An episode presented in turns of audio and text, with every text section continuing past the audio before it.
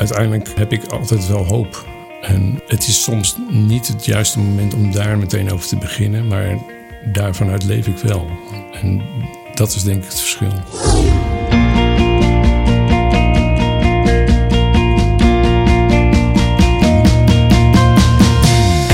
Welkom bij de Surf Podcast van Mozaïek 033. Mijn naam is Marcel Koning. In Mozaïek willen we God aanbidden, elkaar liefhebben en onze omgeving dienen. Over het laatste, onze omgeving dienen, gaat deze podcast. Je maakt steeds kennis met een deel van Mozaïek dat zich actief inzet voor vrijwilligerswerk. Om zo geïnspireerd te raken om iets te betekenen voor je omgeving. De gast van deze week stelt zich nu aan je voor. Ik ben uh, Anton Henning, ik woon in Baarn. Ik ben uh, in oktober vorig jaar in Mozaïek terechtgekomen. En ik uh, wil graag iets gaan vertellen over mijn vrijwilligerswerk bij het Ronald McDonald Huis in Utrecht. Het Ronald McDonald Huis in Utrecht. Vertel. Ja, um, ja, is eigenlijk heel grappig begonnen. Ik ben uh, twee jaar geleden op een website van een collega-masseur uh, terechtgekomen. En ik las dat zij daar uh, vrijwilligste was. En ik kon me er werkelijk niks bij voorstellen. masseren bij het Ronald McDonald Huis. Mensen die zo hoog in hun, ja, in hun stress zitten. Kun je ja, Laten we even beginnen, misschien bij het begin. Want we veronderstellen nu dat mensen weten wat Ronald McDonald Huis is. Ja. En uh, nou ja, dat, misschien moet je eerst even uitleggen. Wat doet het Ronald McDonald Huis precies? Oké. Okay. Um, ja, het Ronald McDonald Huis is een uh, huis wat vlakbij het uh, ziekenhuis staat. Er zijn een aantal in Nederland. daar kunnen ouders overnachten om heel dicht bij hun ernstig zieke kinderen te mogen zijn. Ehm, we hebben in Utrecht daar een verblijf voor ja, zeg maar 31 kamers. Waarin het afgelopen jaar zo'n 1300 gezinnen hebben gezeten. Uh, in totaal uh, zijn er 10.000 overnachtingen geweest. Zo. Dus er zijn 10.000 overnachtingen ja. van ouders, omdat hun kind daar. En die, en die mogen daar dan gratis overnachten. Die wordt, of, of betalen ze daar een klein bedrag voor? Of? Ja, er wordt inderdaad een klein bedrag voor betaald. Ja. En uh, naast een aantal uh, mensen die daar in dienst zijn, uh, drijven we op de kracht van zo'n 260 vrijwilligers. Ja. die in allerlei functies ja, het, het, verblijf ondersteunen. En natuurlijk op de voortjes die iedereen geeft bij McDonald's. Ja, de voortjes. Je, ja, nou, hopelijk wordt dat na deze uitzending ook weer meer. En jij bent daar masseur. Ja, ik uh, ben daar één keer in de maand masseur. Ja. We zijn met een team van uh, vijf masseurs. En we proberen dus elke week uh, een ochtend of een middag te masseren. en dat zijn dan vaak ja, mensen die ja, eigenlijk heel vaak nog nooit een massage gehad hebben. En toch eens gaan proberen om, om even uit hun ding te stappen. En proberen tot wat ontspanning te komen. Want dat doe je dan dus de ouders. De ouders, de ouders die ja. komen daar natuurlijk vaak met veel stress om hun kind binnen, hebben het overnachting en dan hebben ze de gelegenheid in sommige gevallen om dan een massage.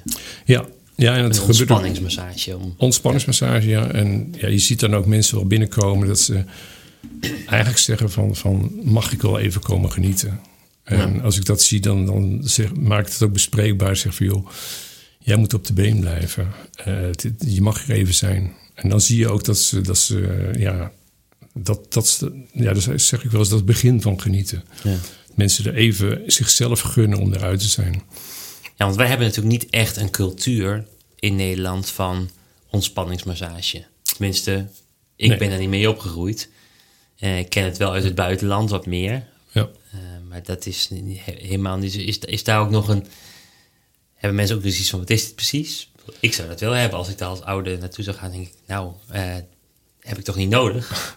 Ja, ze schrijven zich al in op een eh, intekenlijst. Mhm. Daar stel ik me eigenlijk eh, uitgebreid voor. Dus ze weten een heel klein beetje wat ze kunnen verwachten.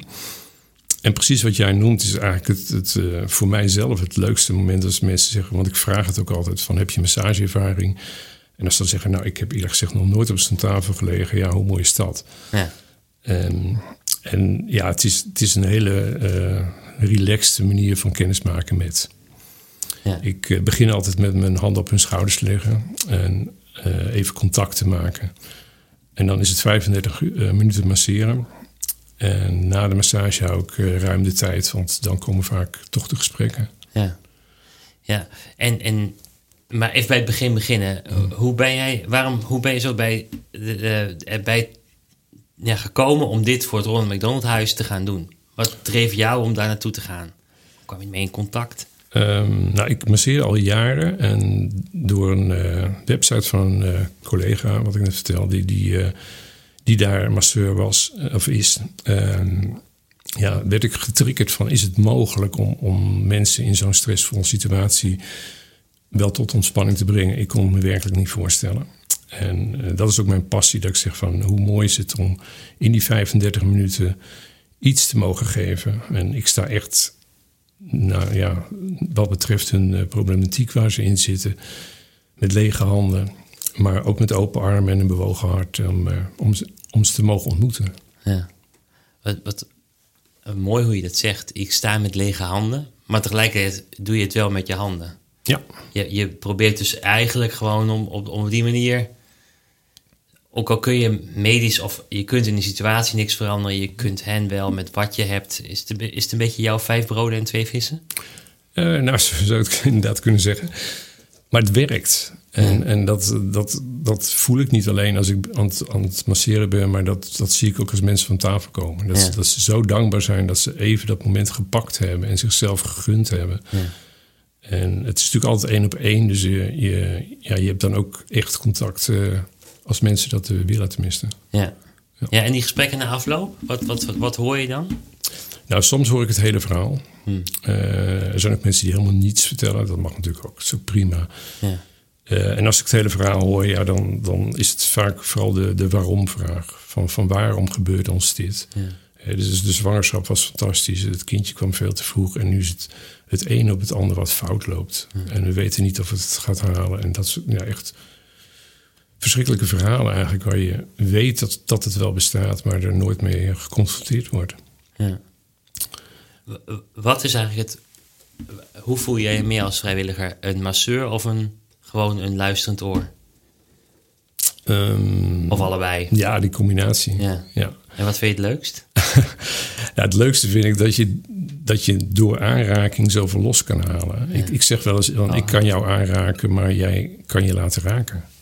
En daar, daar in die, ja, ik zou haast zeggen, in die chemie gebeurt het. Ja. En als mensen mij vragen stellen rondom het waarom of wat dan ook, dan denk ik van, jullie weten ook wel dat ik het antwoord niet heb. Ja. En toch hebben jullie het vertrouwen dat, dat je het gesprek even aangaat. Ja, wauw. Even je hart lucht. Ja.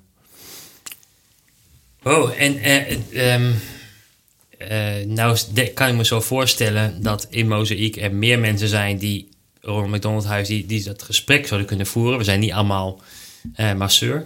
Uh, schat ik zo in, in de gemeente.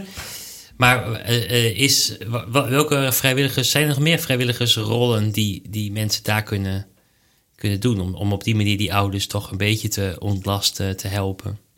Jazeker. Dus je kan eigenlijk alles wat maar in een huishouden gebeurt, gebeurt daar ook. Hm. Er wordt gewassen, er wordt schoongemaakt. er zijn mensen die in de woonkamer tegenkomt, op de gang of in de tuin. En overal kan een gesprek plaatsvinden. Ja. Uh, en dat, dat geven mensen zelf aan of ze daar behoefte aan hebben en of ze het met jou willen. Ja, maar, maar je eh, kunt je als vrijwilliger aanmelden bij Ronald McDonald Huis op allerlei verschillende activiteiten of zo. Ja, het zou ontzettend fijn zijn als mensen inderdaad uh, contact opnemen en vragen van joh, wat zijn voor mij mogelijkheden en uh, doe wat bij, je past, zou ik zeggen. Ja. Ja, interessant. En um, nog even naar die, naar die. Ik zit nog, een beetje na te denken over hoe heftig dat moet zijn als mensen dan met die waarom-vragen bij jou komen. Hè? Mm. En um, ja, je zegt net zelf: ik heb niet alle antwoorden, maar hoe ga je in zo'n gesprek in? Um, Vind je het niet ontzettend moeilijk? Want je, ja, ja, je hebt inderdaad misschien niet de antwoorden voor ze. Nee. Nou, ik persoonlijk vind dat het mag me raken. Uh, dat vind ik niet erg. Ik moet niet mijn geraaktheid op de ander leggen. Dat is een ander verhaal. Ja. Maar ik vind het juist geweldig dat mensen hun, hun nood en hun angst en, en, onzekerheid en wat hen bezighoudt met me durven delen. Ja. Ik denk dat dat de meerwaarde is. En uh, ja, dan gaat het er niet om wat ik zeg, maar wel dat, dat je de ruimte biedt voor die ander. Ja. Speelt jouw geloof daar ook een rol in? Waarom, in waarom je dit doet? Nog los van dat je dit kunt, gewoon de, de, de, de dat het je vak is om te masseren. Maar voor die gesprekken moet je toch echt een extra motivatie hebben, lijkt me.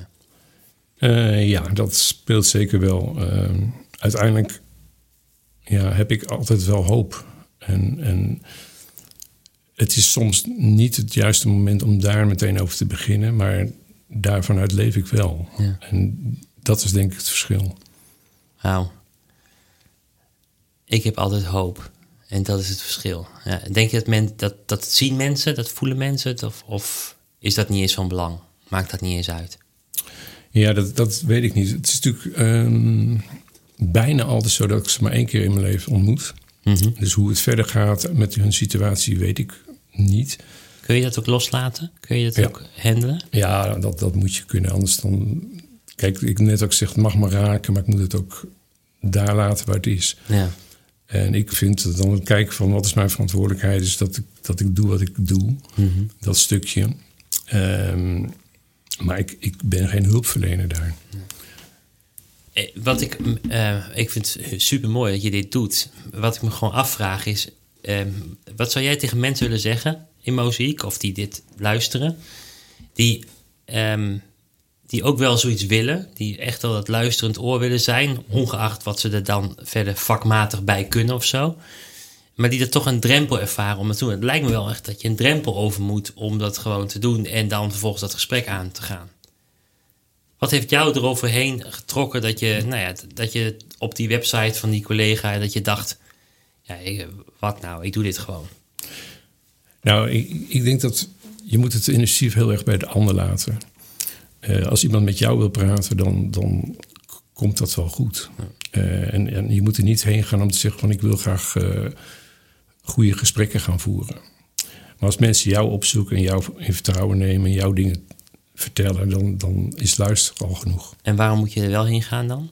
Wat is dan uiteindelijk je, de motivatie en de drempel? Wat, wat, wat, wat, maakte jou dat je de drempel overging om vrijwilligerswerk te doen? Um, ja, in eerste instantie was het vooral de, de, de uitdaging van...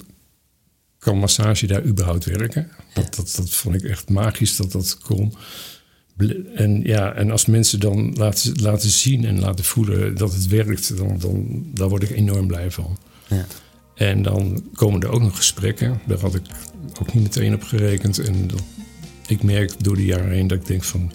het is gewoon goed dat dit, dat dit kan. Dat, hm. uh, dat er allerlei vormen zijn van vrijwilligerswerk... waarop allerlei verschillende manieren uh, inzet is. En toch komen die gesprekken los van alles wat je doet. Ja. Mooi. Ja. Mooi dat je zo hoop biedt. Eh, door iets van wat je, wat je kunt heen. Jouw vijf broden en twee vissen, zal ik het maar even blijven noemen. En uh, nou, heel veel succes. En als mensen nou vragen hebben over uh, de Ronald McDonald Huis... of een keer daar iets meer over willen weten... Omdat, deze, omdat ze het gewoon aanspreekt om iets voor die ouders te doen... hoe kunnen ze dan een volgende stap zetten? Um, nee, je mag altijd natuurlijk uh, contact opnemen met uh, Ronald McDonald Huis in Utrecht... Um, mocht je ook nog vragen hebben bij mij, dan is het helemaal perfect. Ik uh, beantwoord ze graag. Leuk, dankjewel. Graag gedaan.